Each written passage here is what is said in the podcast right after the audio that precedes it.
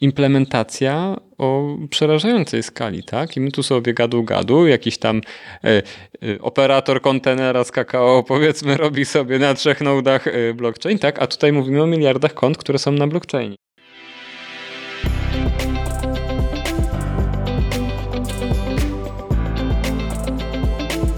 Witajcie w kolejnym odcinku Podróży po Web3. Naszym dzisiejszym gościem jest Dominik Zyskowski, dyrektor konsultingu w SPO. Cześć Dominik, e, super, że do nas dołączyłeś, bardzo fajnie, że będziemy mogli porozmawiać dzisiaj. Cześć Maciek, cześć Łukasz, bardzo dziękuję za zaproszenie do, do Waszego podcastu. I też liczę, na, też liczę na, na, na ciekawą rozmowę oczywiście. Przyjemność po naszej stronie, jak to mówią, e, za oceanem. E, powiedz Dominik troszeczkę o tym, czym ty się zajmujesz i gdzie twoja droga, powiedzmy, przecięła się z Web3. Web3.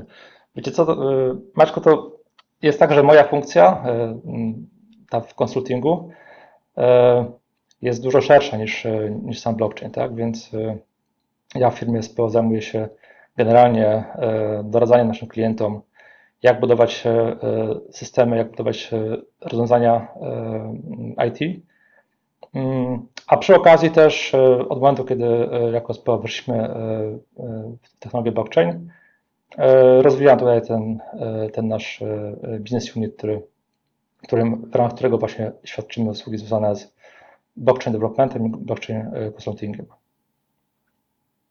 A kiedy weszliście w blockchain? Kiedy weszliśmy? To jest dobre pytanie, bo tak teraz patrząc do tyłu, wydaje mi się, że naszym pierwszym klientem, który chciał od nas cokolwiek związanego z blockchainem, była, była firma z Finlandii. Generalnie my zespole mamy dość dużo współpracy z fińskimi firmami. I to był bodajże rok 2017. E, to był moment e, takiego dużego boomu na, na, na e, token offerings, na zbieranie funduszy poprzez emisję tokenów. To był taki startup i oni właśnie mieli pomysł, żeby mm, zebrać sobie fundusze na, na swój produkt, który my robiliśmy właśnie z, z wykorzystaniem ICO. I to był taki pierwszy moment, w którym technicznie jako firma się, się z tym blockchainem spotkaliśmy. Ja osobiście kojarzyłem już tą technologię wcześniej, gdzieś tam moi znajomi, e, którzy byli w świecie krypto, e, o tym rozmawiali. Natomiast e, tak technicznie głębiej SPO weszło w technologię blockchain właśnie około 6 lat temu. Y, spoko, to y, troszeczkę powiedziałeś, jak to, jak, jak to się wydarzyło. A y, czy ty prywatnie coś, coś działasz, czy tylko na płaszczyźnie takiej firmowej jesteś zaangażowany w realizację projektów tak komercyjnie? Wiesz co, e, znaczy ja prywatnie, prywatnie jako osoba e, nie jestem e, kryptoinwestorem, także tutaj nie, nie mam jakichś interesów związanych z, z kryptowalutami. Natomiast my jako firma tutaj się angażujemy też e, w szereg inicjatyw takich lokalnych na, na rynku, czy też e, e, ogólnoświatowych, o, o których być może też będzie okazja opowiedzieć i czasem udzielam się na jakichś meetupach, na konferencjach jako, jako speaker, czy po prostu ktoś, kto tutaj też nawet przez ten podcast, tak, który dzisiaj nagrywamy, popularyzuje technologię blockchain. Mhm, Okej, okay. to jak ty na to patrzysz, na tą technologię blockchain? No bo jesteś, masz takie spojrzenie z wewnątrz rynku ze strony takiej dostawczej bym powiedział, dostawcy usług, tak? dostawcy technologii, wykonawcy projektów. Um, inne masz spojrzenie niż powiedzmy my przez pryzmat krypto Twittera od strony powiedzmy konsumenta. E, jak te firmy, z którymi wy pracujecie, podchodzą do, do, do realizacji projektów na blockchain? Znaczy, czy to jest tak, że wy pracujecie ze startupami, które budują produkt w oparciu o blockchain i wy dostarczacie im technologii? Czy raczej to jest jakaś inna grupa firm, które do Was przychodzą po rozwiązania? Maciek, to jest bardzo dobre pytanie, bo generalnie e, e, my po tym boomie ICO, gdzie faktycznie mieliśmy bardzo dużo pracy z, związanej z e, implementacją e, tokenów, e, e, jakby fundraisingiem wokół, wokół krypto, stwierdziliśmy, że, że to nie jest dla nas jako firmy kierunek, którym chcemy, chcemy podążać. Tak? My zawsze mieliśmy klientów takich bardziej dojrzałych, firmy, e, firmy, które e, niekoniecznie potrzebowały pieniędzy, żeby swoje produkty rozwijać e, gdzieś tam w fazę MVP, tylko po prostu miały już albo finansowanie zapewnione, albo po prostu budowały produkty, które były już dochodowe i potrzebowały stabilnego partnera, który pozwoli im te, te produkty rozwijać. Ja też tak patrzę na, na, na, na blockchain i jakby z perspektywy takiej, że dużo osób, takich normalnych gdzieś tam z ulicy, kojarzy właśnie tą technologię z, z kryptowalutami. Nad czym troszkę ubolewam, bo, bo my jako firma totalnie w tym kierunku nie, nie idziemy i też staramy się pokazywać taką użytecznościową, też bardziej biznesową stronę blockchaina i tam też szukamy naszych klientów, tak? Czyli szukamy naszych klientów wśród firm, które faktycznie e, dostrzegają użyteczność biznesową e, związaną z tym, że jakiś wycinek ich działalności e, będzie poprawiony poprzez implementację właśnie technologii rozproszonego łańcucha, tak, czyli DLT. To są różne blockchainy. Może być to HPG Fabric, może być to, to Ethereum. Natomiast staramy się pracować z firmami, które widzą tutaj faktyczną wartość, a nie tylko ludźmi, czy też e, organizacjami, które e, na bazie jakichś tam spekulacji są e, instrumentami finansowymi chcą tutaj zarobić. Mhm, Okej, okay, ale to ciekawa grupa, bo jeżeli dobrze to interpretuję, to do Was przychodzą klienci, którzy no powiedziałeś, są ustabilizowani, czyli mają jakiś produkt, który wymaga rozwoju w oparciu o blockchain albo y, uruchomienia jakiejś nogi kolejnej y, w oparciu o blockchain, to co to mogą być za rozwiązania? No bo powiedziałeś też o implementacji na Hyperledgerze albo na Ethereum. Jak to się u Was rozkłada? To jest więcej Hyperledgera czy więcej Ethereum? Wiesz, to I dla kogo? I co, co dla kogo że, jest dobre? Że to jest pół na pół, tak? Bo e, firmy dojrzałe, które e, mają biznesy niezwiązane jakby z e, e, produktami cyfrowymi, tak, które po prostu chcą sobie sprawnić swoje procesy biznesowe, które e, prowadzą z, z różnymi kontrahentami, tak, z, z innymi firmami. Dostrzegają wartość w tym, że, że, że można właśnie te, te, te procesy i też staramy się to z klientami razem ten razem gdzieś tam z, z, zidentyfikować, że tego typu procesy da się w oparciu o technologię blockchain e, usprawnić. Natomiast oczywiście te, też są, i, tutaj mówimy e, typowo o blockchainach e, prywatnych, tak? Myślę, że sobie to dalej rozwiniemy. Natomiast są też produkty cyfrowe, gdzieś tam oparte, czy też mm, kierowane do szerokiego grona odbiorców, do mm, takie produkty typu C2C czy B2C, gdzie odbiorcą końcowym są, są po prostu konsumenci gdzie y, najczęściej wydaje się, że ten, że właśnie y, budowa y, systemu w oparciu o, o blockchainy publiczne jest sensowna, tak? I to są tematy wokół, wokół DeFi, na przykład tak, wokół jakichś tam cyfrowych instrumentów finansowych, gdzie, gdzie można takie instrumenty oferować swoim klientom właśnie, nie wiem, czy to przez, przez firmy typu banki, czy, czy jakieś nowoczesne e, e, instrumenty finansowe. Mhm, no to takim typowym klientem jest bardziej. Wiesz, ja tak próbuję to złapać, mhm. dlatego że to mnie interesuje pod kątem takim, na ile blockchain wchodzi na, na taki rynek konsumencki, ale nie w rozumieniu DeFi'a, tak? No bo DeFi jest powiedzmy o tyle konsumencki, że ktoś, kto będzie chciał się pobawić w DeFi'u, no to będzie mógł, będzie mógł to zrobić. Natomiast szukam takich przykładów, które z których nawet w nieświadomy sposób y, społeczeństwo może korzystać, nie wiedząc o tym, że one są zaimplementowane w oparciu o blockchain. I ja tutaj widzę miejsce na tą drugą, na, na tą pierwszą, o której powiedziałeś część, czyli firmy, które są już ustabilizowane i przenoszą kawałek procesu na blockchain. I teraz może to nie dotyka bezpośrednio konsumenta, no ale w jakiś tam pośredni sposób owoce są realizowane, czy tam Jasne. dzieło jest oparte o blockchain, także to mnie interesuje. Wiesz co, mi się wydaje, że technologia jakby jest na, najlepiej e, e, zaimplementowana wtedy, kiedy końcowy użytkownik jej nie widzi. E, I, e, I według mnie e, e, możemy sobie pomyśleć o takich właśnie przypadkach, czy też case'ach, w których gdzieś tam blockchain jest wykorzystywany, czy to prywatny, czy publiczny. Zaraz wam, wam powiem taki jeden przykład z blockchainów prywatnych, gdzie cały tam jakaś sekwencja zdarzeń i informacji, które gdzieś tam na koniec są trzymane przez tego przeciwnego Kowalskiego,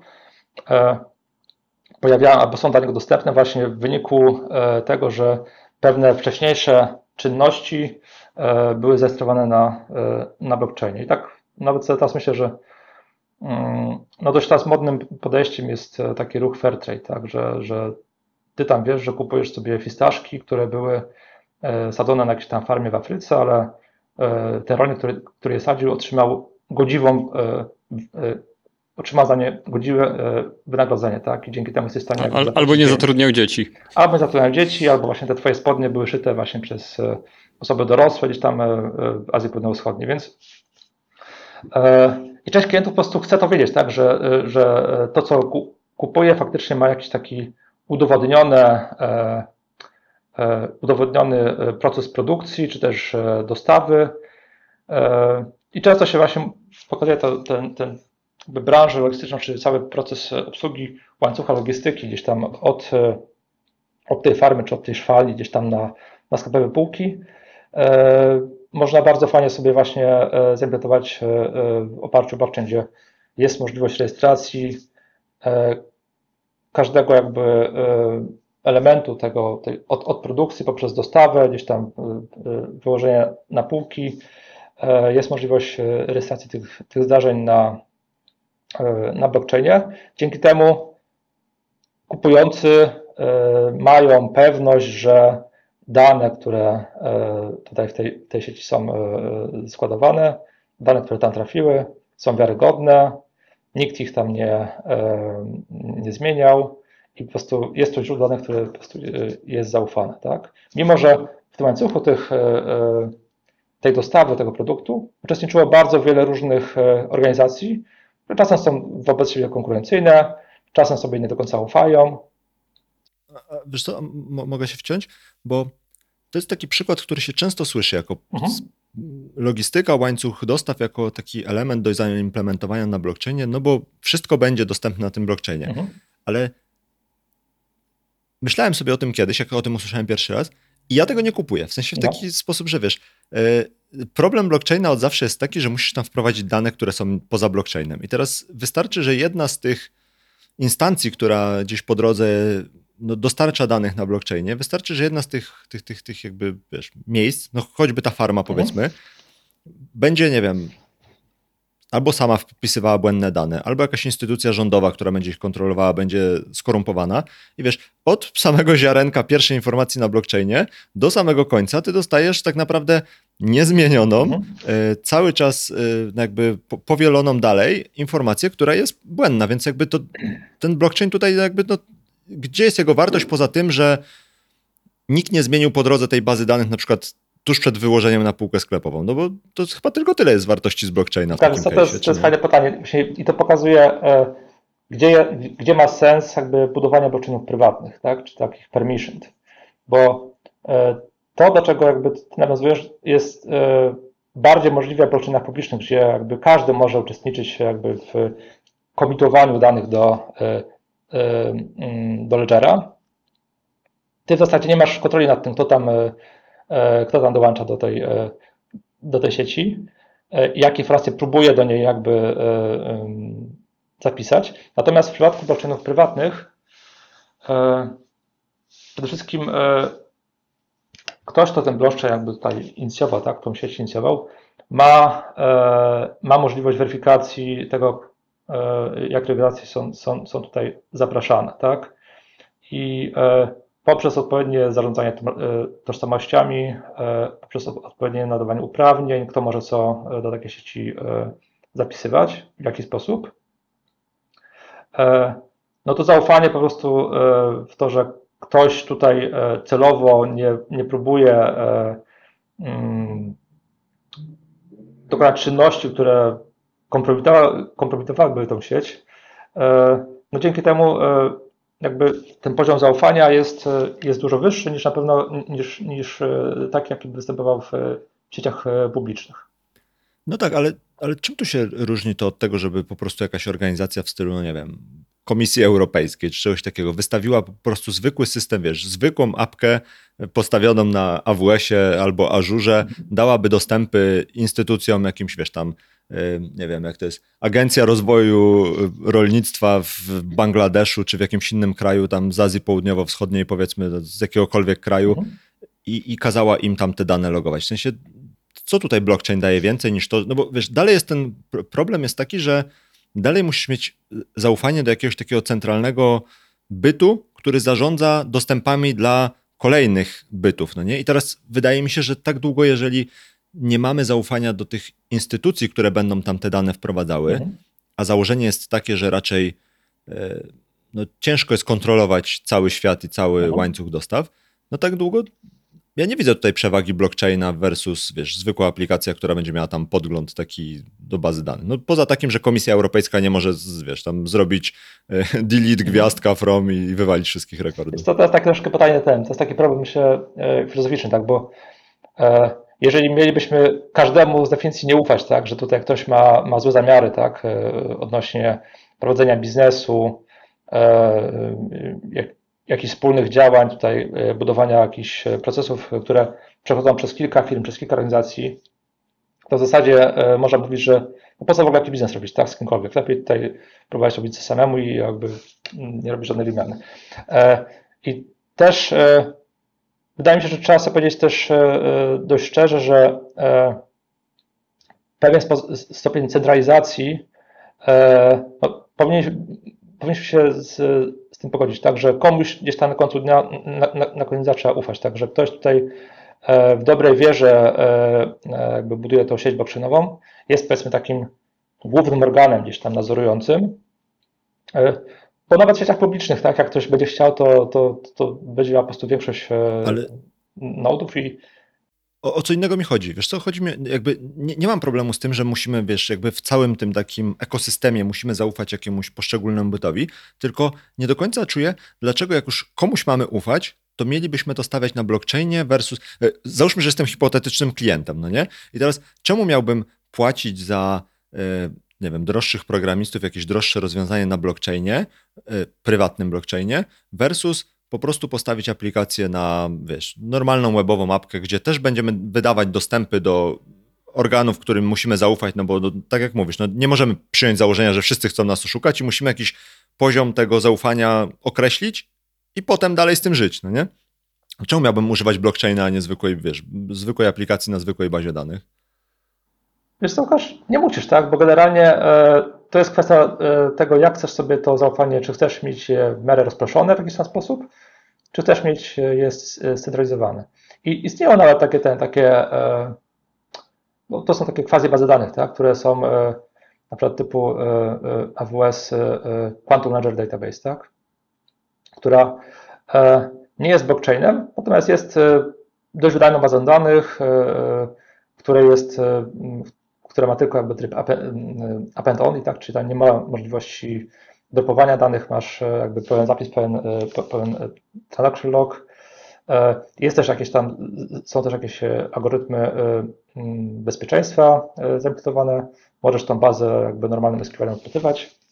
Więc masz szereg tutaj takich charakterystyk, które daje, dają to samo, co daje blockchain. Natomiast to źródło jakby zaufania jest w pełni scentralizowane. Tak? I jeżeli, je, jeśli ty, ty jako twórca aplikacji, jakiegoś tam e, jakiegoś e, procesu godzisz się na to, że to będzie w ramach, e, że, to zaufanie będzie powierzone tylko jednej mm, organizacji, to oczywiście tutaj blockchain nie jest konieczny. Tak? I, I część naszych klientów też do takich wniosków dochodzi. A to Że- przejdźmy przez taki proces że- plusów i minusów jednego i drugiego rozwiązania. Załóżmy, że jestem dalej tym klientem, co wiesz, produkuje czekoladę, no nie? Mhm. E, I, I teraz y, ja, jakie są plusy i minusy tego rozwiązania amazonowego versus prywatnego blockchaina? Jakby, jakbym się zastanawiał, to, to co byś mi powiedział? Jak bym miał wybierać? Na podstawie czego? Jakieś, wiesz, y, kiedy to, kiedy Wiesz to? co, e, według mnie rozwiązanie rozproszone ma sens, kiedy mówimy o mm, digitalizacji procesów, które przechodzą przez, e, przez kilka organizacji, które nie do końca sobie e, e, domyślnie ufają, tak? Albo czasem są dla siebie konkurencyjne i tam, tam faktycznie mogą mieć jakiś interes w tym, żeby pewne rzeczy ukrywać, pe- pewne rzeczy swoim kontrahentom nie mówić. Mają, mogą mieć jakiś interes w tym, żeby te, żeby te dane, które są przekazywane, nie były w pełni transparentne. Jeżeli mówimy o systemie, który działa, ma działać w ramach, nie wiem, jednej firmy, czy jakiejś tam jakiejś agencji i, e, i rządowej i, nie wiem, e, agentów tych e, agencji, czy, czy, albo podmiotów od, nich zale, od niej zależnych, to faktycznie tutaj nie ma ten, nie ma potrzeby, żeby budować rozwiązanie oparte o, o technologię zdecentralizowaną.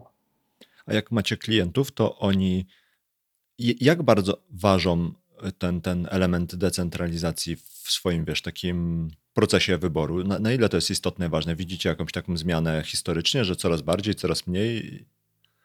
E, Wiesz co, to jest ten, to jest e, jeden z takich głównych e, czynników, który sprawia, że ten, że oni chcą iść w technologię blockchain.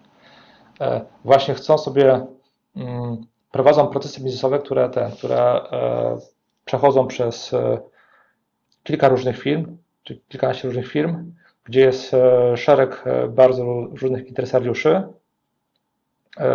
gdzie e, nie wszystkie informacje, e, nie, nie ma oczekiwania, żeby, te, żeby wszystkie informacje były dla wszystkich e, e, widoczne, dostępne, transparentne. E, I tam faktycznie e, ten blockchain ma sens. Jeżeli my widzimy, że klient po prostu przychodzi i mówi, że OK, ja mam, mam jakiś tam system wewnętrzny, coś tam u nas się dzieje wewnętrznie i chcemy teraz, żeby to było na blockchainie, bo to jest modne. I, I my stwierdzamy tutaj po takiej analizie e, tych potrzeb tego klienta, że, że faktycznie tutaj baza danych po prostu will do the job, tak? I, i generalnie nie ma sensu się rzucać tutaj na, na, na blockchain, który jest, e, no, jest troszkę wolniejszą technologią, e, wymaga większych nakładów pracy, żeby takie rozwiązania zaimplementować, przygotować, też jest troszkę inne utrzymanie, więc wtedy to klientom e, odradzamy. Mówimy, że po prostu, że, że, że warto iść w kierunku tradycyjnego rozwiązania opartego o bazę danych. A to ci klienci, którzy do Was przychodzą, oni, jeżeli już myślą o blockchainie, to oni myślą o nim w kontekście takim, żeby samemu stawiać swoje nody, czy nie? Mm, Zazwyczaj jest tak, że ten, że y, proszą o nas o pomoc, bo no nie mają kompetencji, żeby sobie y, własne nody stawiać i jakby cały robić cały setup całej sieci. I my to robimy. Y, Natomiast część klientów potem y, stwierdza, że ten, że sobie już mogą jakby utrzymywać y, w własnym zakresie te, te nody. Czy- A to jak się stawia takie sieć. nody? Jak się stawia nody?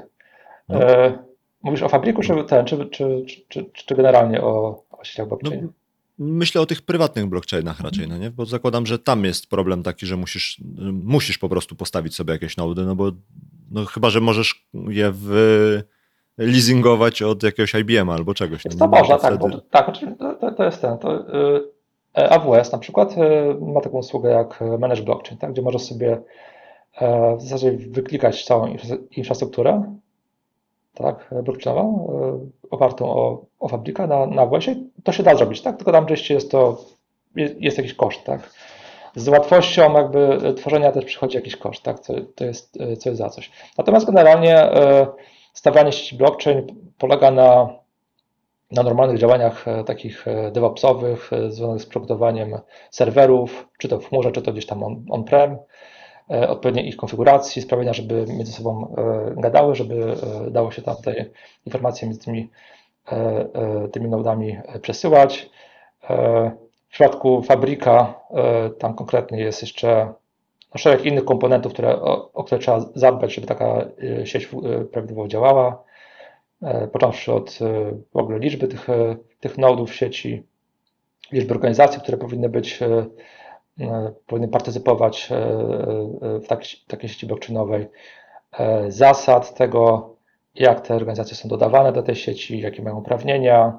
A, e, żeby- a, a, a przepraszam, a czy to działa w taki sposób, że wy po prostu musicie kupić serwer na Home'ie, serwer na nazwie, serwer w AWS-ie, serwer gdzieś tam, na każdym postawić noda i potem je ze sobą jakoś pospinać? To na, na tym polega e, takie, wiesz, zrobienie po bożemu temu, żeby to faktycznie było zdecentralizowane. No bo zakładam, że jakbyście kupili na OVH e, Mhm. pięć, e, postawili pięć nodów i wszystkie byłyby w tej samej serwerowni, która poszła w chmurę, no to, to, to nic by to nie dało. No, nie jest to żaden- generalnie. no, no tak, to, to, to jak to co, działa? Takie jakbym- postawienie jakbym- po bożemu? Jakbym to poszedł, pociągnął dalej, no to jeżeli to jest pod jurysdykcją jednego, y, jednego NIP-u, żeby tak to uprościć, to to dalej nie jest dobra praktyka, Nie, bo to nie jest decentralizowane, Nie, to jest nie, tylko totalnie- redundantne. jest, tak. To jak wygląda dobra tutaj- praktyka postawienia? Dobra praktyka jest taka, że ty już e, jakby masz pomysł na budowę całej sieci, tak, całego konsorcjum, czyli jest sobie kilka firm, czy też kilka e, organizacji, które już jakoś ze sobą współpracują, chciałyby teraz to, sobie tą, tą sieć postawić.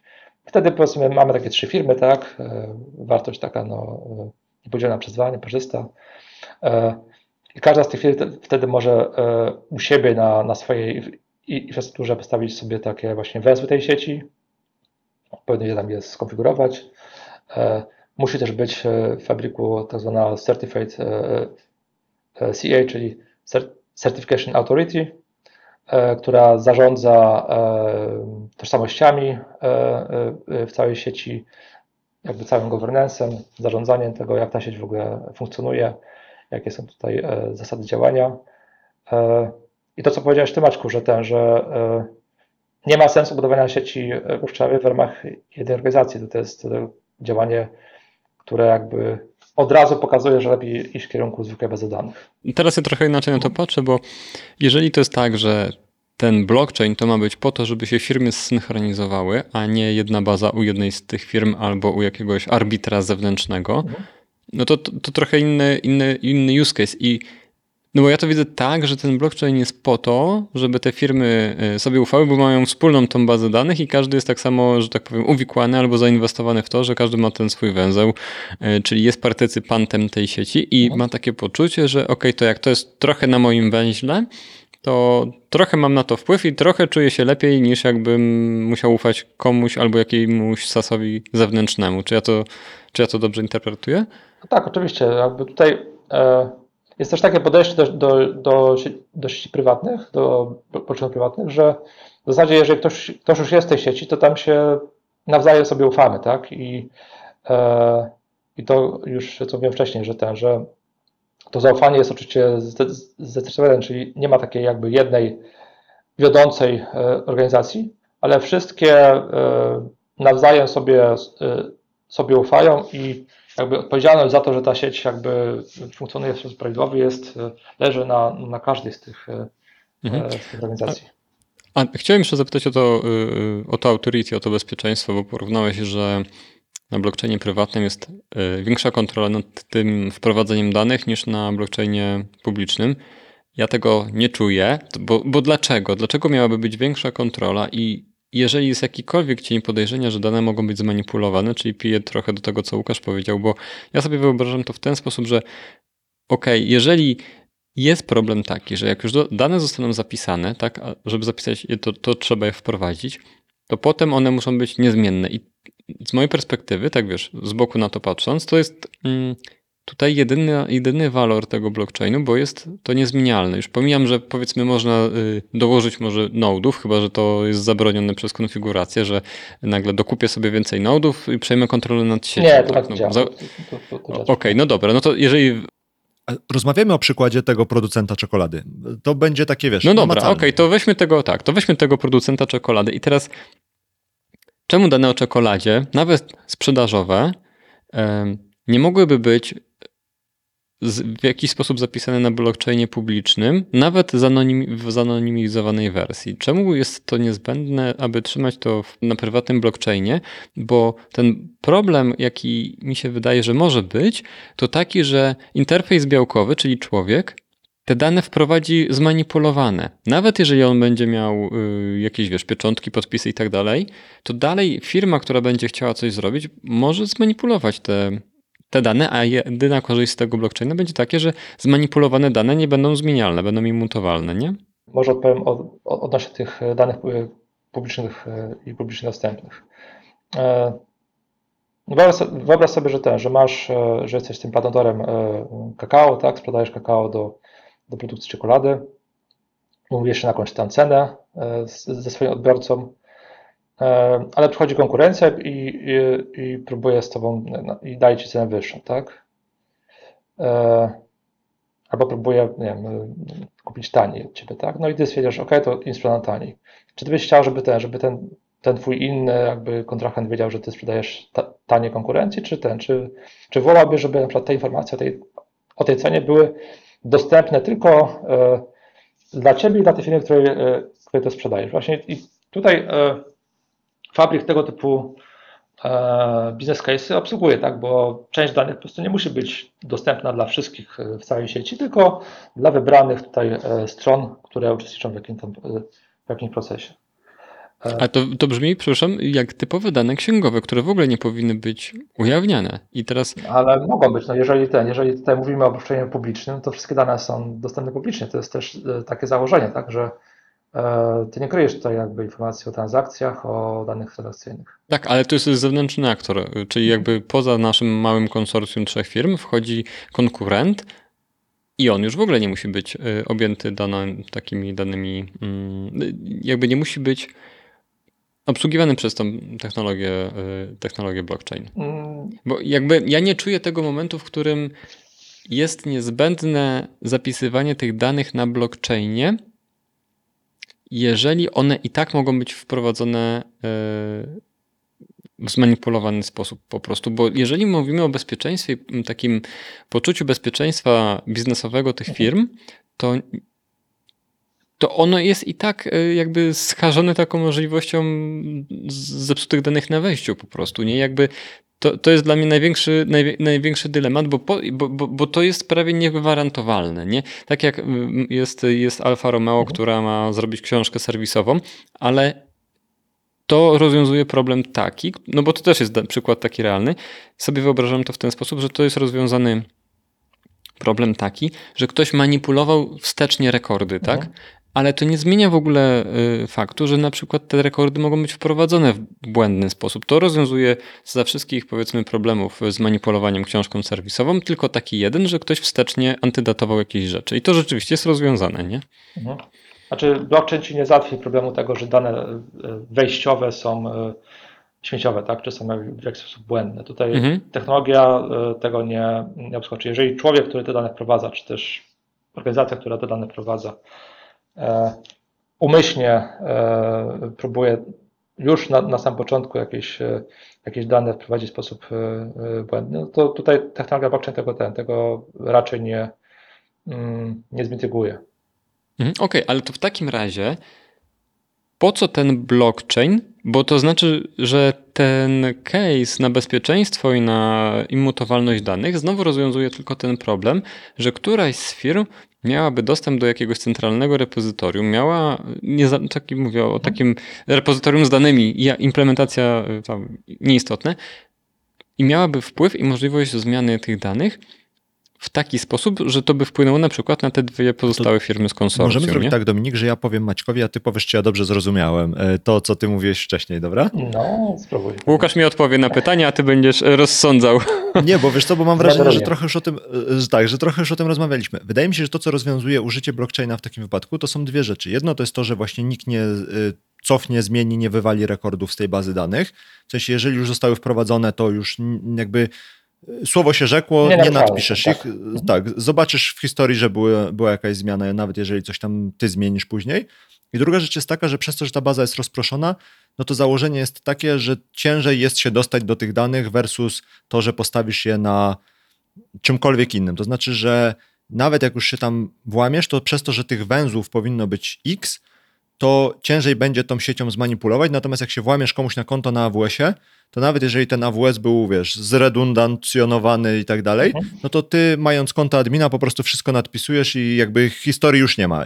Istnieje tylko teraźniejszość. A w tym blockchainie te inne nody mają historyczne wartości i możesz odtworzyć tą historię, jeżeli ktoś się komuś włamał na jeden, je- jeden z nodów na przykład. Tak, to ważne też jest to, że ten, że tutaj jakby jeden node nie będzie w stanie jakby takiej e, błędnej zmiany do e, całego le- ledgera prze- przeforsować, tak, bo wszystkie inne też musiałyby się na to zgodzić. E, Są tutaj reguły jakby zapisu danych e, do sieci blockchain, są to smart kontrakty albo jakieś tam ch- chain kody w przypadku fabryka i one też jakby warunkują to, że dana transakcja w ogóle jest do, do tego, do, do księgi zapisywana. A jest jakieś takie konto master admina w takim hyperledgerze, że jest ktoś taki, kto może, wiesz, powiedzieć admin, admin, delete gwiazdka from nasza, nasz blockchain. Jest. Generalnie e, tak, jest to, jest to wykonalne tutaj. No, jest oczywiście pewna rola e, w takiej sieci, która ma większe uprawnienia niż ten, niż pozostałe inne. Czyli może być taka, y, zakładając, że no powiedzmy tą, tą całą sieć blockchainową stawia powiedzmy, nie wiem, kto sprzedaje czekoladę, Lidl. Lidl sprzedaje czekoladę, która ma znaczek Fairtrade i jemu zależy na tym, żeby potem nikt, nie wiem, w Niemczech czy w UK nie powiedział Lidlowi, kłamiesz, sprzedajesz tam czekoladę Fa- Fairtrade 50% drożej, a ona z Fairtrade ma tyle wspólnego, że ktoś nadrukował na niej ten znaczek, ale to znikąd nie pochodzi. I teraz jest hipotetycznie taka sytuacja, że jeżeli taki całą sieć blockchainową do tej do tym zarządzania tym łańcuchem dostaw odnośnie produkcji tej końcowej czekolady marki własnej Lidla, że oni mogą to w jakiś sposób potem ewentualnie coś z tym zrobić. W sensie mogą skasować tą bazę, mogą ją w Mhm. jakiś tam sposób zmienić, bo oni są wystawcami całej tej sieci i tym takim centralnym, głównym, adminowym, no nie wiem, nodem, nie wiem jak to się nazywa, to Ce- Central Authority, tak? To Tak, się jakoś tak. nazywało? To, Certificate Authority. tak, czyli oni mogą wszystko zrobić tak naprawdę z tą siecią wtedy? E, Mogliby oczywiście wtedy kła- kładą na, na, szali swoją wiarygodność tutaj biznesową e, wobec e, i kupujących i innych partnerów, którzy to konsorcjum e, blockchainowe też ustanowili. Tak? Bo to mówimy, mówimy cały czas o, o konsorcjum kilku firm, które, czy kilkunastu firm, które robią wspólnie biznes, no to faktycznie byłoby coś mm, bardzo mocno uderzającego w wiarygodność i, i wizerunek takiej firmy.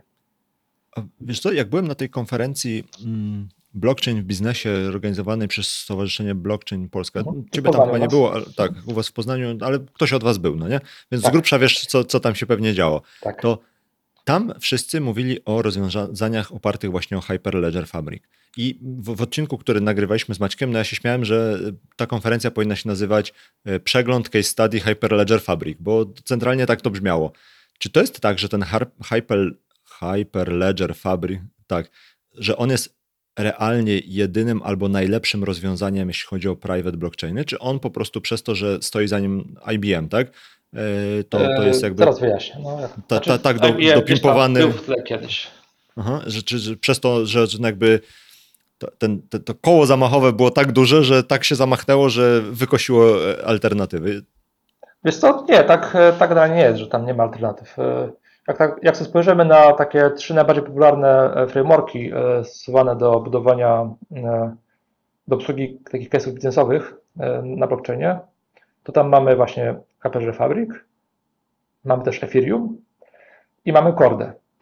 Pewnie się dziwicie, czemu tam jest Ethereum, ale na Ethereum też można budować sieci prywatne.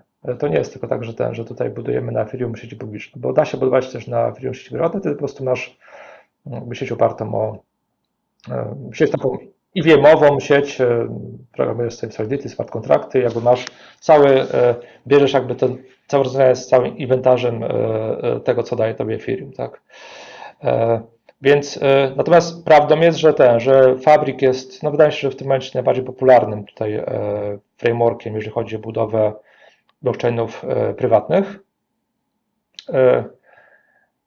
I faktycznie e, gdzieś tam mówię, że ten, że, e, że jest to wspierane przez IBM. Generalnie Fabric powstał bodajże w roku 2015 i to jest pod egidą e, Linux Foundation, Linux Foundation. Ale tam było kilka firm, które, ten, które jakby były takimi pierwszymi kontrybutorami do, do Fabrika, więc nie, nie tylko IBM, ale też, te, też kilka innych firm. I w tym momencie jest to projekt open source'owy, to jest, jest tu kod otwarty. E, Każdy może e, e, sobie tego fabryka wziąć, jakoś tam sobie go dostosowywać. Jest to projekt, który no jest bardzo tutaj dobrze żyjący tak generalnie, czyli dużo tutaj osób komituje, jest, jest bardzo duża społeczność i to też ma, ma jakby znaczenie dla, dla firm, które gdzieś tam sobie robią ewaluację tego, w jaki e, framework te wejść ze, ze, ze swoim systemem. Tak? Czyli nie ma żadnej Jeśli licencji, nic takiego. Nie ma, nie ma. Natomiast e, IBM e, e, stworzył na bazie fabryka swój własny blockchain. E, jest to, prawda, taka dość e, niewiele, czy też nie chcę dać dużo słów, ale jest, pewno, jest to pewnego rodzaju nakładka, która trochę w sposób ułatwiony pozwala tym blockchainem za, zarządzać, tak? ale, ale pod spodem to jest e, nadal fabryk.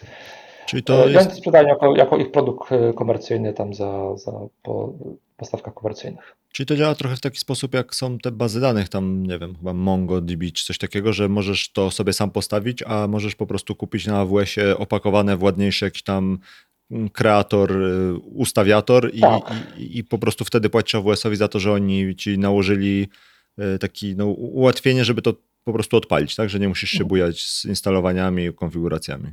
Tak, tak. No tak to z, z grubsza wygląda. Natomiast cały Hyperledger to jest e, jakby rodzina projektów, bo tych projektów jest kilkanaście generalnie.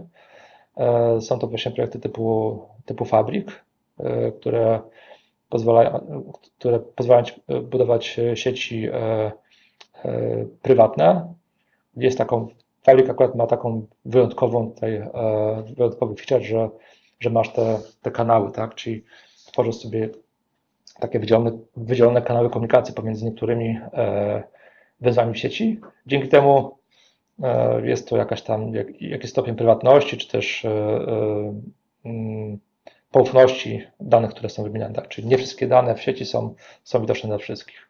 Ale jest na przykład jest też projekt Hyperledger Besu, który e, pozwala właśnie budować e, też sieci prywatne w, oparciu o, o Ethereum. To bym dopytał, bo to brzmi ciekawie, to znaczy dwa światy łączy, to, to jest jakaś taka nakładka, która coś upraszcza, wiesz, i, i, i jak to działa? Czemu nie korzystać z natywnych rozwiązań Ethereum? Mm, Tak, korzystasz z rozwiązań e, na- na- natywnych, tylko że po prostu budujesz jakby węzły sieci jakby prywatnie u siebie i jakby nie ma tam dostępu do tej sieci ze świata zewnętrznego. Natomiast cała implementacja jest e, w oparciu o języki, narzędzia, cały toolkit, który służy też do, do, do budowania aplikacji e, e, Web3 Roz- opartych właśnie na Ethereum. Okej, rozumiem. Czyli jakby implementacja jest Ethereum, ale mm, te nody są twoje prywatne, czyli robisz takiego sobie klo- klona sieci, tylko że do niego nie ma, y, on nie jest w sieci Ethereum, tylko jest na implementacji opartej o Ethereum, natomiast to jest, nie wiem, je- jeden node i będzie y, mój jednonodowy blockchain na przykład też możliwy w dużym pokoju, tak? O to chodzi. Dobra. A co jest jeszcze w tym hyperledgerowym stacku? Bo to każ, każda rzecz, którą wymieniasz, brzmi coraz ciekawiej.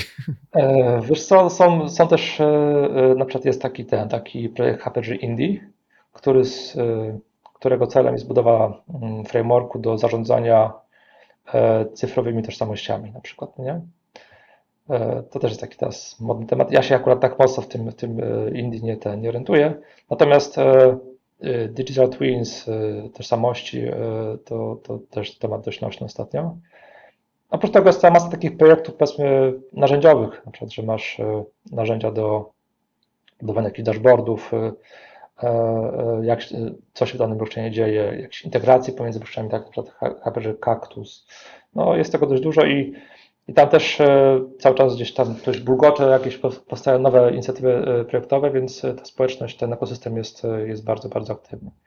W momencie, kiedy ten, kiedy Łukasz wspomniałeś o tej konferencji, która była w Poznaniu, też na której było dużo mówione o, o fabryku. Ja, ja, ja, byłem wtedy akurat w Dublinie na takim globalnym forum Happy Ledgera, no gdzie też miałem okazję dowiedzieć się o, ten, o, o tych innych projektach, porozmawiać z ludźmi z, z tego świata, którzy właśnie tutaj albo kontrybuują do, e, do projektów e, pod parasolem Happy Ledgera, albo e, firmy, które budują po prostu rozwiązania oparte o, o te blockchainy. A jak tak z perspektywy biznesu, jaki ma wpływ Hossa i Bessa, jeśli chodzi o, o to zapytania, jakie dostajecie po prostu do, do, do SPO, żeby zrobić projekty blockchainowe? Czy to jest tak, że jak jest Hossa i Bitcoin podchodzi pod jakieś swoje maksymalne ceny, to wtedy klienci do was walą drzwiami i oknami, bo słyszą i chcą? Czy to raczej właśnie jest odwrotnie, że jak krypto rośnie, to klienci nie chcą robić blockchaina, bo się boją, bo to skam, y, kupowanie narkotyków i zlecanie zabójstw. Wiesz co, jak krypto rośnie, to na pewno z, y, i tak patrząc w przyszłość, na pewno wzrasta liczba zapytań o różnego rodzaju systemy oparte o jakieś tam y, tokeny, jakieś y, takie bardziej sieci publiczne.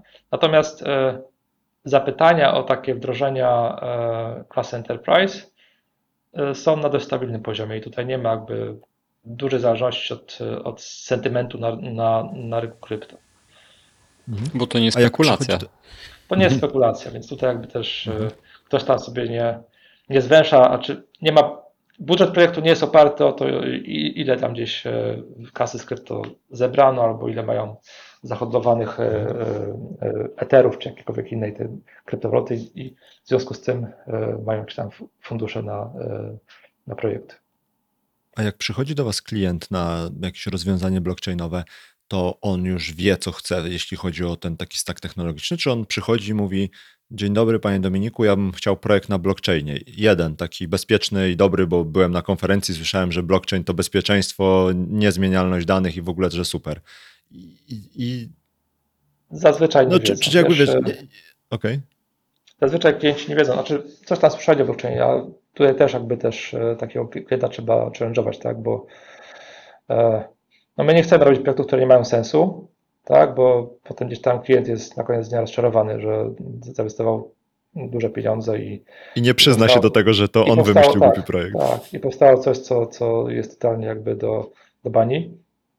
Więc e, my też staramy się też z klientem aby wspólnie dojść e, do, znaczy być na jednej stronie pod kątem tego, czy faktycznie ten projekt e, ma potencjał na, mm, na bycie projektem, projektem blockchainowym i część już tutaj jakby odpada, a technologia, którą my, my, my zaproponujemy jest jakby pochodną tego, co ten klient chce, chce mieć funkcjonalnie e, w swoim rozwiązaniu. Jeśli się okaże, że to jest, że klient buduje rozwiązania e, gdzieś tam ta, targetowane do, czy też przeznaczone do, do odbiorców końcowych, e, m, gdzie chce mieć publicznie dostępne informacje, no tutaj jakby sieci publiczne, czy jakiś tam Polygon, czy ten, czy, czy Ethereum, czy jak- jakikolwiek inny blockchain publiczny, będzie na pewno lepszym rozwiązaniem niż ten, niż, niż budowanie sieci prywatnej. Tak mówiłem, jak, tak mówiłem, jak ten, jak, e, jak mowa o procesach, które przechodzą przez, e, przez szereg różnych e, firm, or- e, organizacji, e, no to tutaj jest, jest e, wtedy potencjał na, na, na budowę sieci blockchainowej, właśnie takiej bardziej, nie bardziej po prostu, prywatnej, tak. A to działa w taki sposób, że to rozróżnienie, czy prywatny, czy publiczny blockchain odbywa się na etapie, w którym wy zadajecie pierwsze pytanie, czyli czy każdy może widzieć wszystko i jak klient mówi, no nie, broń Boże, to wy mówicie prywatny i to już jakby kończy całą dyskusję, czy publiczny, czy prywatny, czy jest jakieś, wiesz, takie głębsze albo bardziej zniuansowane rozróżnienie, jeśli chodzi. No bo zakładam, że to jest trochę to, co Maciek pytał, że na Ethereum też by można trochę inaczej podchodząc do zarządzania danymi i tego, co publikujemy na blockchainie, no też by można było jakoś spróbować zrobić rozwiązanie, które będzie z jednej strony udostępniało w teorii wszystkie dane, ale w drugi sposób w taki, spo, w ta, taki no, no, tak spakowane, Mhm. żeby no, to nie było takie proste do odczytania, że ktoś sobie zrobi, wiesz, w Etherscanie przejrzy i dowie się wszystkiego. Generalnie tych pytań jest wiele, tak? My tam staramy się jakby całą y, domenę klienta poznać, tak? Tego, jak on, y, jak on działa w ogóle, jaki kawałek e, swojego biznesu teraz chce sobie zdigitalizować, tak? I, i no tam jest szereg czynników. Teraz nie wymienię tobie żadnych takich gotowych pytań, które my mamy listę pytań, idziemy z listą pytań i tam je, je zadajemy i tam gdzieś od, odhaczamy, czy to spełnia to, to, to, to tak nie do końca działa. Po prostu staramy się też z- zrozumieć taki biznes klienta, na czym on polega. E, Czy, czy, klient działa w, w jakimś środowisku regulowanym, tak, że będzie musiał e, stosować się do jakichś zasad e, e, narzuconych przez jakieś tam regulatory, regulatora rynku, tak, czy, czy dane, które są tutaj wymieniane, są danami e, wrażliwymi, e, czy nie. No, jest szereg uwarunkowań, które gdzieś tam na koniec dnia e, e, determinują to, jaki e, technologicznie framework będzie, ten, będzie proponowany. Czy myślisz, że przyszłość idzie raczej w tą stronę, że te duże organizacje, czy właśnie jakieś takie agencje rządowe e, raczej będą coraz częściej wchodzić w blockchaina? Czy jest tam ciągle dużo jakichś takich mm, na etapie, wiesz, rozważania, czy robić Mhm. projekt blockchainowy, czy nie? Jest dużo jakichś takich, e, no nie wiem, jakichś takich wątków, które nam teraz nie przychodzą do głowy, żeby zapytać, ale jak do nich dochodzicie, to to kasuje rozmowę o blockchainie i jest jednak, no dobra, to jeszcze nie blockchain, robimy normalnie tam na Azurze czy na czymś. O, o, przyjmy to stack Microsoftu, bo Microsoft zawsze spoko, bo my już i tak mamy wszystko od Microsoftu, no nie? Jest to, to dobre pytanie, bo e, myślę, że takimi inicjatywami gdzieś tam centralnie sterowanymi są e, wszelkiego rodzaju e, digital currencies. Tak? E, I to jest na poziomie jakby banków centralnych e, krajów, tak? E, e, banki centralne teraz bardzo mocno eksplorują temat cyfrowego pieniądza, no bo emisja takich, e, takiego pieniądza jest dużo jakby tańsza, dużo bardziej można te pieniądze kontrolować, sposób w jaki ludzie je wydają. Pomyśl sobie, że ten, że dostałbyś e, 500 plus na przykład, ale z jakąś datą ważności, tak, że musisz te pieniądze wydać albo Albo z dedykacją. wyda- wydać w jakimś czasie, tak, albo, albo z, gdzieś tam w jakimś miejscu, tak, i teraz te cyfrowe waluty tego typu rzeczy umożliwiają, także jakby ty e, emitując pieniądze, masz też jakby wpływ na jego, e, na, na sposób, jak będzie wydawany. To jest ten, to jest coś, co, co myślę, rządy by tutaj bardzo, bardzo chętnie chciały, tak, bardzo chętnie chciałyby ten, mieć na to wpływ, tak, jak, te, jak ta kasa jest wydawana. I tutaj, e, tutaj blockchain jest, e, jest technologią, która ten, która bardzo fajnie wspiera tego typu e, e, właśnie case'y, tak. E, Natomiast e, zawsze będą, ym, zawsze będą, bę- znaczy ja, jestem zdania tego, że dany pro, problem biznesowy da się technicznie rozwiązać e, na, na wiele różnych sposobów, tak? I blockchain zawsze będzie jedną z opcji, którą można tam gdzieś proponować e, e, pod, e, jako techniczne rekomendacje e, implementacji danego, danego rozwiązania. A wiesz co, bo tak z tego, co mówisz, to przebija taki duże, takie racjonalne podejście i brak zachuśnięcia się tą technologią. I myślisz, że to jest tak, że ten blockchain jako sama taka technologia dla, dla firm, no nie mówię o takich rozwiązaniach B2C, no bo nikt nikomu nie zabroni robić DeFi'a i komuś innemu tracić na nim pieniądze, powiedzmy, no nie? Ale myślę o takim rozwiązaniu, wiesz, takim infrastrukturalnym bardziej. Myślisz, że to jest tak, że ten blockchain zostanie i to będzie, wiesz, będziemy się zastanawiać, czy postawić to na y, MySQL-u, Mongo, czy tam na blockchainie i w takim case'ie tak, a w takim inaczej? Czy to jest raczej ślepa uliczka technologii, jeśli chodzi o takie, wiesz, rozwiązania infrastrukturalne dla firm i y, raczej to wszystko pójdzie w tą stronę, że będą tylko bardzo jakieś wąziutkie takie przypadki użycia, kiedy ten blockchain jest doskonałym fitem, a w 99,9 przypadków to zupełnie nie ma sensu i to jest łapanie się prawą ręką za lewe ucho. Znaczy wiesz co, ja, ja znaczy w tym momencie blockchain nie ma takiej clear application, także jest jakby taki jeden case, w którym tylko blockchain będzie działał najlepiej, i, a, a wszystko inne e, nie. E, natomiast to na pewno jest technologia, która e, moim zdaniem nie zniknie. Zawsze będzie wartościowym, wartościową alternatywą do, do technologii takich zwykłych, tradycyjnych bazodanowych, tak? Dzięki temu, że ma dodatkową właśnie warstwę bezpieczeństwa, gdzieś tam jest e, scentralizowany, znaczy zdecentralizowany e, dystrybucja zaufania e, w takiej sieci, kryptografia, no, czegoś, co, co, co w bazach danych tak często nie ma. Natomiast oczywiście są kwestie, nie wiem, performance'u, tak? No blockchain jest troszkę, jest, jest, jest dużo wolniejszy niż ten, niż, niż bazy danych, tak? Gdzieś tam komitowanie transakcji do, do blockchaina e, bywa bardzo kosztowne, tak? Dla, e, tutaj e, ceny gazu na Ethereum są ten, są nadal wysokie, mimo że teraz już, już, już jest inny, już jest model proof of stake. Natomiast, czyli jakby tyle prądu się nie zużywa, żeby te, żeby te, te, te transakcje do blockchaina dodawać. Natomiast to nadal jest drogie i tutaj nie każde rozwiązanie e, jest e, sens budować na blockchainie, tak? I ja myślę, że tak, też takie racjonalne podejście to jest coś, co w jakiś sposób naszą firmę e, charakteryzuje, bo my tutaj podchodzimy dość, myślę, że na chłodno do tego, czy na chłodno do tego, do, do, do, do technologii i do sugerowania rozwiązań naszym klientom. A czy te nody Hyperledgera to, to jest proof of stake, proof of work, czy tam jest jeszcze coś innego? Co tam jest Raft? Co to Tam jest? generalnie e, jest to taki algorytm konsensusu. Znaczy tak, tam generalnie transakcje e, zapisywane są na, do, ten, do, do bloków w zasadzie w czasie podobnym jak takie zwykłe tra- transakcje bazodanowych. Tak. Tylko, że ich jakby zatwierdzenie e, to nie jest ten, to nie jest algorytm BFT, który wymaga e, dużego, e, dużej liczby obliczeń, tylko jest to algorytm Raft, e, gdzie ten voting jest dużo szybszy i jakby decyzja o zapisie transakcji do bloku jest, jest w sumie no, błyskawiczna, jest, jest bardzo kilka rzędów wielkości szyb- szybsza niż ten, niż korzystając z takiego algorytmu BFT. I to, to też jest ważne. W e, Fabriku mm, można sobie jakby pluginować różnego rodzaju e, algorytmy e, konsensusu, tak? Czyli tu nie jesteś jakby skazany na, na tylko jedną metodę, ale też e, w ramach te, tego frameworka jest on modularny i, i tam można wykorzystywać różne algorytmy. Do Fabrika można wpinać różnego rodzaju, różne algorytmy konsensusu, tak? To też jest taki, taka cecha tego frameworka, że jest taka modularność, tak? Że możesz sobie, nie jesteś skazany na, na jedną jakby technologię, na jeden algorytm. Tak samo jest pisanie smart kontraktów, możesz pisać sobie je albo w Golangu, albo, albo w Node, albo w Java. A czy jest jakieś takie rozróżnienie, jeśli chodzi o te algorytmy, że no bo zakładam, że są albo szybsze, albo bezpieczniejsze, albo jeszcze jakieś inne. Jak się wybiera algorytm do No. konsensusu?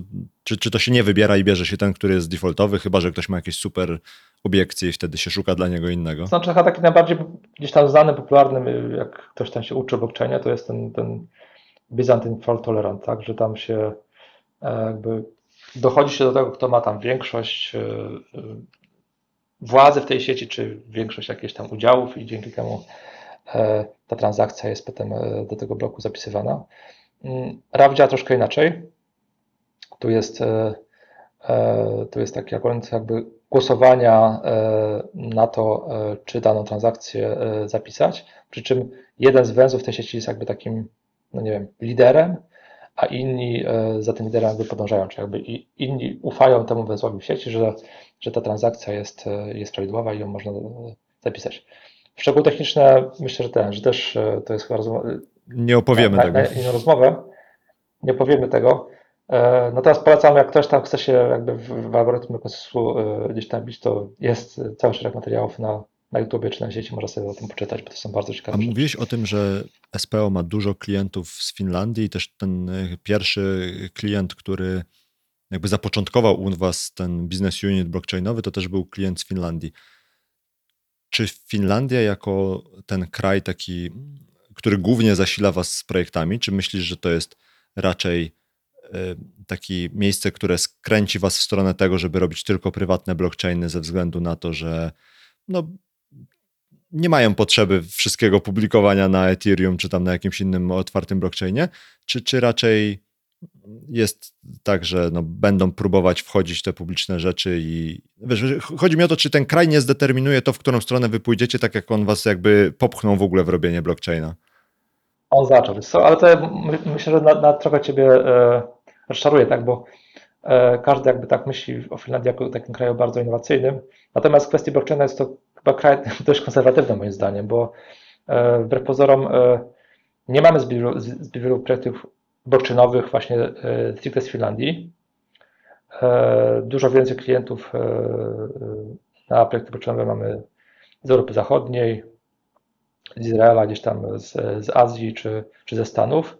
Finlandia jest tutaj dość takim rynkiem konserwatywnym moim zdaniem i przynajmniej i, jeśli chodzi o, e, o sam blockchain, więc na pewno tutaj wpływ Finlandii na, e, na nasze działania wokół blockchaina jest, e, jest znikomy. To, że wy macie projekty z tego albo z innego kraju, to jest trochę niezależne od tego, czy ten kraj tak mocno jest, wiesz, przodujący, no bo to jest kwestia jakichś tam, wiesz, czy kontaktów, czy z, sposobu sprzedaży, a ty identyfikujesz jakiś kraj, który jest takim, wiesz, prowodyrem rozwoju blockchain, czy adopcji w enterprise rozwiązań blockchainowych, czy, czy nawet takich, wiesz, konsumenckich. Tylko nie mów, że Niemcy, bo wywrócisz nam świat do góry nogami. Nie, Niemcy, Niemcy nie. Wiesz co, my tak, wydaje mi się, że ten, że takim największym jakby tutaj e, znaczy krajem, który na, na, na, nadaje największy ton w adopcji blockchaina, gdzieś tam właśnie takich e, projektach klasy Enterprise, to są Stany. Mhm.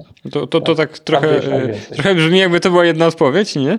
Bo, bo, bo dużo jest tam rozwoju, a jednocześnie gdzieś jak się czytało, e, trochę więcej tego, e, tego typu informacji było publikowanych na początku tego roku, jeżeli chodzi o adopcję społeczeństwa, no to już po- pod kątem konsumenckim, tak? No to kraje rozwijające się, to nie są właśnie Stany czy, czy kraje ciekawe, rozwinięte mocno. e, tych danych to ja, to ja nie znam, tak? Odnośnie No na przykład, e, adopcji z punktu widzenia takiego end-usera, to ten, to tutaj się nie wypowiem, bo A, spoko. ale wydaje mi się tak, że tam, gdzie są takie, znaczy takie kraje e, rozwijające się, mm, tu jest dość dużo takich usług finansowych nowoczesnych, tak, bo nie było gdzieś tam takiej e, zastanej, e, zastanego ekosystemu starych banków e, i tam dość szybko właśnie weszły takie nowoczesne, nowoczesne usługi finansowe. A jakby nie patrzeć, jednak te, gdzieś tam świat finansów ze światem blockchaina się dość mocno przecina. I to nie tylko właśnie jeśli chodzi o krypto, ale też właśnie o obsługę tychże instrumentów finansowych, e, e, tworzenie jakichś nowych, e, nowych usług wokół finansów. A teraz, nie wiem, dwa czy trzy dni temu się okazało, że Visa i JP, Mo- JP Morgan połą- połączyły swoje dwa duże prywatne blockchainy właśnie po to, żeby żeby zapewnić jeszcze lepszą weryfikowalność transakcji e, m, międzynarodowych, takich kro- tak zwanych cross-border payments. E, W tym momencie dzięki temu połączeniu e, jakby weryfikacji podlega ta chyba nie wiem, 2 miliardy kont bankowych i dzięki temu jest e, możliwość zmniejszenia liczby tak zwanych failed, failed payments, tak? czyli takich transferów, przelewów, które są po prostu w, w, jakiś sposób błędne. Tak? Obsługa takich transferów, które się nie powiodły, no to jest rocznie kwota tam stu kilkunastu miliardów dolarów. To jest taki jest koszt takiej obsługi takich, e, takiej płatności. A dzięki temu, że te dwie rzeczy się, się połączą, jakoś tam będzie taki efekt, e, efekt sieciowy, powiększenia tej bazy zweryfikowanych e, kont bankowych, zweryfikowanych właścicieli kont bankowych i dzięki temu mniejsza liczba przelewów będzie, będzie gdzieś tam zrzucana po drodze. Mhm. A to dosyć ciekawe, bo mm, jak tego słucham, to mam taki wniosek, że to znaczy, że po pierwsze, te duże organizacje miały blockchain prywatny, dwa, on był do czegoś używany, trzy, na dużą skalę, cztery, zostało to, zostało to udostępnione miał swój. y, na zasadzie takiego... Się, zmerdżowały się, nie? Czyli jakby A, nawet weszły, się weszły zmerdżowały. troszkę wy- wyższy level nie? Tego, tego, tego, te, e, tego połączenia. Okej, a możesz nam o tym trochę więcej opowiedzieć? No bo to jest jakby w skali, to jest olbrzy- olbrzymia skala po prostu, tak? No bo jeżeli tam są, wiesz, miliony kont, tak? Miliardy. No to- Oni mają chyba 2 miliardy kont e, już teraz. Ale to muszą być jakieś konta Wirtualne. no bo co? Lu- Kont bankowych. Ale wiesz co, no, Możesz mieć w trzech bankach. Nie, miliardy to, nie jest, to, to, to, to nie są konta być może ten, y, tylko należące do, do ludzi, ale też jakieś takie konta, nie wiem, jakieś robocze, Rozliczeniowe. No, tak, tak, tak, o to mi chodzi. Tego typu rzeczy. Tak. no, no, ale, ale to dalej tych, tych kont jest taka masa, że to jest y, implementacja o przerażającej skali, tak? I my tu sobie gadu gadu, jakiś tam y, y, operator kontenera z kakao, powiedzmy, robi sobie na trzech nodach y, blockchain, tak? A tutaj mówimy o miliardach kont, które są na blockchainie. I teraz, no ja o tym nie słyszałem. Czy ty możesz nam o tym trochę więcej opowiedzieć? Wiesz co, musiałbym, musielibyśmy nagrać nowy odcinek o tym, bo też musiałbym. Po prostu mówię, że to taki news gdzieś tam mignął mi dwa dni temu, też firmy jeszcze na tyle dużo nie mają żeby się tym dzielić, ale to pokazuje też taki jakby rzeczywisty, twardy przypadek e, użycia, że ten blockchain się gdzieś przydaje, tak?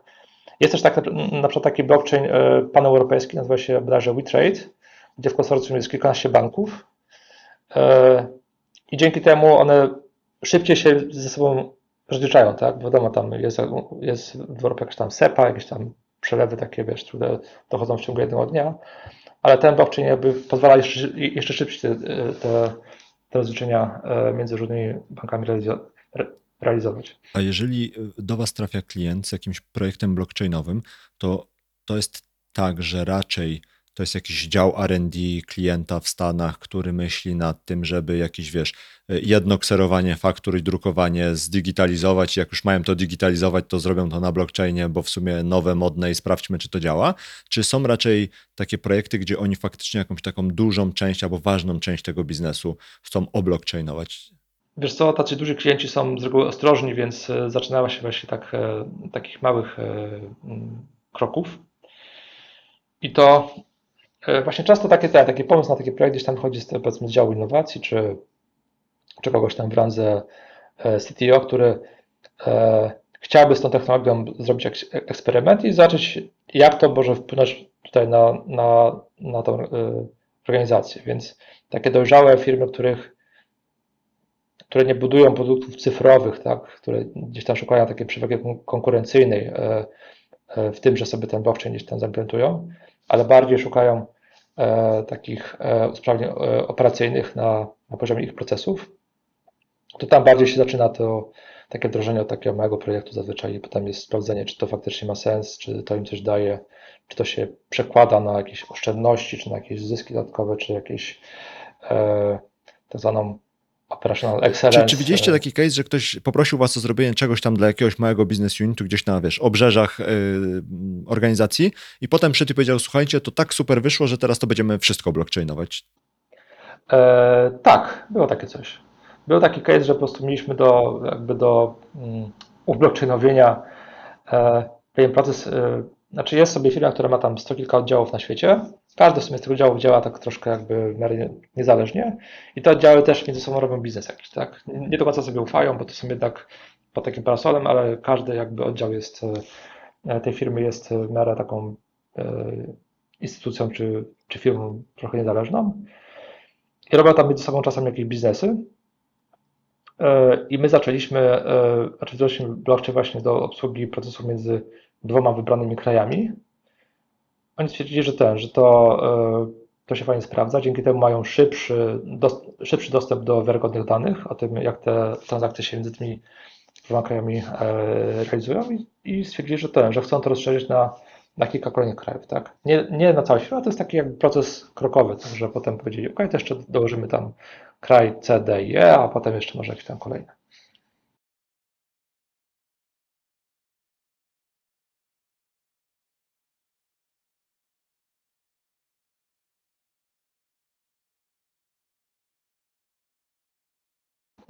Wiesz co, to akurat tu jest tak, że są jakby serwery w kilku geografiach i na, czyli powiedzmy jest tam Europa centralna, jakaś tam Ameryka, jakaś, jakaś Azja, są tak jakby trzy data centers. I to już jakby daje Ci takie rozproszenie geograficzne, a w ramach tych, tych, tych data centers masz możliwość stawiania sobie nodów, czy też węzłów tej sieci też na jakichś tam oddzielnych instancjach wirtualnych. Przy czym jest też tak, że ten, że niekoniecznie każdy kolejny kraj musi mieć swojego noda. To, to też nie jest tak. No, taka e, w miarę wystarczająca powiedzmy, liczba nodów w takiej sieci to już jest tam powiedzmy kilkanaście, tak? Nie, nie ma potrzeby tego. Znaczy może być tak, że jeden nod obsługuje tobie kilka, kilka krajów albo kilka Mhm. organizacji. A, Tak, e, pod kątem takiej topologii sieci. a czy jest jakiś taki kontender na rynku blockchainu, w sensie tych prywatnych? Czy, czy to jest tak, że te, ten Hyperledger on raczej jest na topie i raczej wszystko wskazuje na to, że on będzie na topie? Czy jest ktoś taki, kto wchodzi od dołu i próbuje ich podgryzać i wiesz, jest taki... mm, Jest e, w, e, ulubionym blockchainem wszystkich CTO, ale potem nikt się dalej na to nie zgodzi, bo jest jeszcze za małe. To znaczy, co jest, e, znaczy na przykład z tego to, co to wiem, to Corda jest, Corda e, R3 e, jest przykład takim blockchainem też, też prywatnym, który po prostu gdzieś tam się pozycjonuje jako powiedzmy blockchain pod usługi finansowe albo pod e, jakiś tam obieg dokumentów, tak, i oni tam jakby tam widzą swoją przewagę nad takim, e, nad Fabrikiem, który jest takim troszkę mm, frameworkiem generycznym, tak, że tutaj jakby nie ma takich szczególnych e, funkcjonalności, które gdzieś tam adresują pewnego rodzaju klasę, klasę problemów w danej domenie, w danym, danym e, industrii. Ale generalnie, jeżeli chodzi o takie te, no, takie jakby frameworki, to tutaj Fabrik jest najbardziej popularny, przynajmniej w tym momencie. I ja nie widzę e, tam takiego kogoś, kto tam od dołu podgryza tego Fabrika, stara się jego e, pozycję Okej. przejąć. Ale Dominik, jakbyś tak, mielibyśmy się przenieść dwa lata do przodu, e, tak dzisiaj dwa lata do przodu, to jak myślisz, co się zmieni na tym rynku blockchainowym? Mhm. Co, co się wydarzy, co, co wiesz, jakie, jak to będzie wyglądało? Jest to myślę, że ten, że będzie takich więcej e, usług blockchain e, as a service albo managed blockchain, gdzie w- tym momencie mm, sama konfiguracja sieci blockchainowej, jakby sposób jej obsługi, e, takie codzienny maintenance jest troszkę e, uciążliwy i wymaga takiej bardzo specjalistycznej wiedzy. Myślę, że tutaj pojawią, będą się pojawiały narzędzia, które usprawnią, ułatwią właśnie konfigurację takich sieci, ich, ich deployment, utrzymywanie, zarządzanie właśnie tożsamościami, zarządzanie tutaj różnego rodzaju parametrami, kluczami. Problemem w, w fabryku takim dość częstym jest to, że e, mając e, organizację, ma się jakieś tam klucze, jakieś, ten, jakieś e, tożsamości i ma się też te certyfikaty, ale one co jakiś czas e, wygasają, tak? One mają jakiś tam okres ważności. I trzeba jakby ręcznie dbać o to, żeby te, taki robić rolling, tak? Że ten, żeby te certyfikaty były odnawiane. No nie ma jakby w tym momencie takich narzędzi, które gdzieś tam to z- zautomatyzują, więc jest taki szereg, szereg takich zadań, e, mm, wydaje się, że prostych, ale takich e, uciążliwych, które trzeba robić ręcznie i będzie coraz więcej narzędzi, które, ten, które tego typu e, zadania A czy to myślisz, że to będą raczej zewnętrzne narzędzia, które będą, które będziesz dopinał do takiego fabryka i one będą robiły te rzeczy, czy to raczej będą, nie wiem, jakieś takie pluginy, dodatki, czy w samym fabryku te rzeczy wypączkują, bo muszą? To się dzieje z obu stron, tak? I, y, i jakby jest szereg inicjatyw w ramach e, Happy Ledgera, które tam mają na celu usprawnienie pewnych e, mm, procesów wokół deploymentu, konfiguracji blockchaina, ale też są oczywiście firmy, które próbują e, budować e, narzędzia komercyjne, e, więc e, i tutaj, tutaj pewnie będzie ten, będzie obserwowany właśnie pojawianie się takich, e, takich narzędzi. A tak już zmierzając do końca, powiedz proszę, czy jest coś, czego ty jako Dominik albo wy jako SPO poszukujecie, czegoś, co wiesz, ktoś słuchający, jak usłyszy, jakiś y, call to action dla słuchających, jeżeli ktoś będzie miał chęć, ochotę pomóc, kontrybuować, cokolwiek. E, Znaczy tak, e, e, my jako SPO e, przede wszystkim szukamy dwóch rzeczy, tak? Szukamy talentów, czyli ludzi, którzy chcieliby do nas e, dołączyć. Mamy w ramach swojej firmy tak zwaną Akademię Blockchain, czyli dla osób, dla programistów, którzy, ten, którzy się interesują blockchainem, chcieliby głębiej w tą technologię wejść, mieć możliwość uczestniczenia w takich komercyjnych projektach prawdziwych, gdzieś tam używanych przez e, prawdziwe firmy. Mamy taką ścieżkę rozwoju, mamy tutaj cały program e, certyfikacji, e, w ramach właśnie technologii Hy- Hyperledgera, ale też jest możliwość e, pójścia w kierunku blockchainów e, e, publicznych. To jest jedna rzecz, czyli sz- szukamy talentów i ludzi, którzy chcą pracować w prawdziwych projektach blockchainowych. A jeżeli chodzi o takie wyzwania w stosunku do klientów, to na pewno szukamy klientów, którzy, którzy myślą o technologii blockchain jako narzędziu, które jest w stanie wspomóc ich obecny biznes, tak? Nie jako narzędziu, które, ten, które pozwoli zarobić pieniądze na, na spekulacje, ale narzędziu czy też technologii, która ma potencjał na usprawnienie biznesu takich, e, takiego Okej. klienta. To dzięki wielkie. Link do Akademii Blockchain, tak, jeżeli dobrze zapamiętałem nazwę, y, wrzucimy do notatek, żeby ktoś jakby był zainteresowany, to nie musiał jakoś daleko szukać. I dzięki śliczne za wyjaśnienie nam y, i przybliżenie tematów prywatnych blockchainów. Ja byłem bardzo sceptyczny, jeśli chodzi o prywatne blockchainy i nasza rozmowa z Maćkiem po tej konferencji była taka, że byłem prawie że hejterem tych blockchainów prywatnych. Y, Ta rozmowa trochę zmieniła mnie, w sensie złagodniałem. Y, Humor tak, humor mi się poprawił. i trochę widzę... Dobra, dnia. O, jak baranek. Nie, zauważyłem trochę Jakiś tam potencjał widzisz? bardziej widzę, że to jest jakaś taka technologia, która faktycznie gdzieś w niektórych e, miejscach takiego ekosystemu biznesowego faktycznie może mieć jakiś, jakiś sens. Pod warunkiem faktycznie, że ktoś zważy sobie te wszystkie plusy i minusy, no choćby takie jak koszty po prostu najzwyczajniej w świecie, no nie? Czy, czy, czy tempo tych, tych rzeczy. Więc y, trochę złagodniałem. Dalej nie jestem jakimś super, w sensie nie będę piewcą prywatnych blockchainów najprawdopodobniej, ale, ale, ale trochę zrozumiałem, gdzie, dlaczego niektóre organizacje w to wchodzą. Także dzięki wielkie Dominiku za przybliżenie tego tematu. Dominik, utemperowałeś Dzięki. Łukasza trochę. No nie było to moim celem, natomiast myślę też, że, że, że, warto e, znać jakieś tam zdanie przeciw tak generalnie e, odnośnie różnych To jeszcze raz dzięki wielkie i do zobaczenia. Super. Dzięki Łukaszu, Dziękujemy. dzięki Maćku.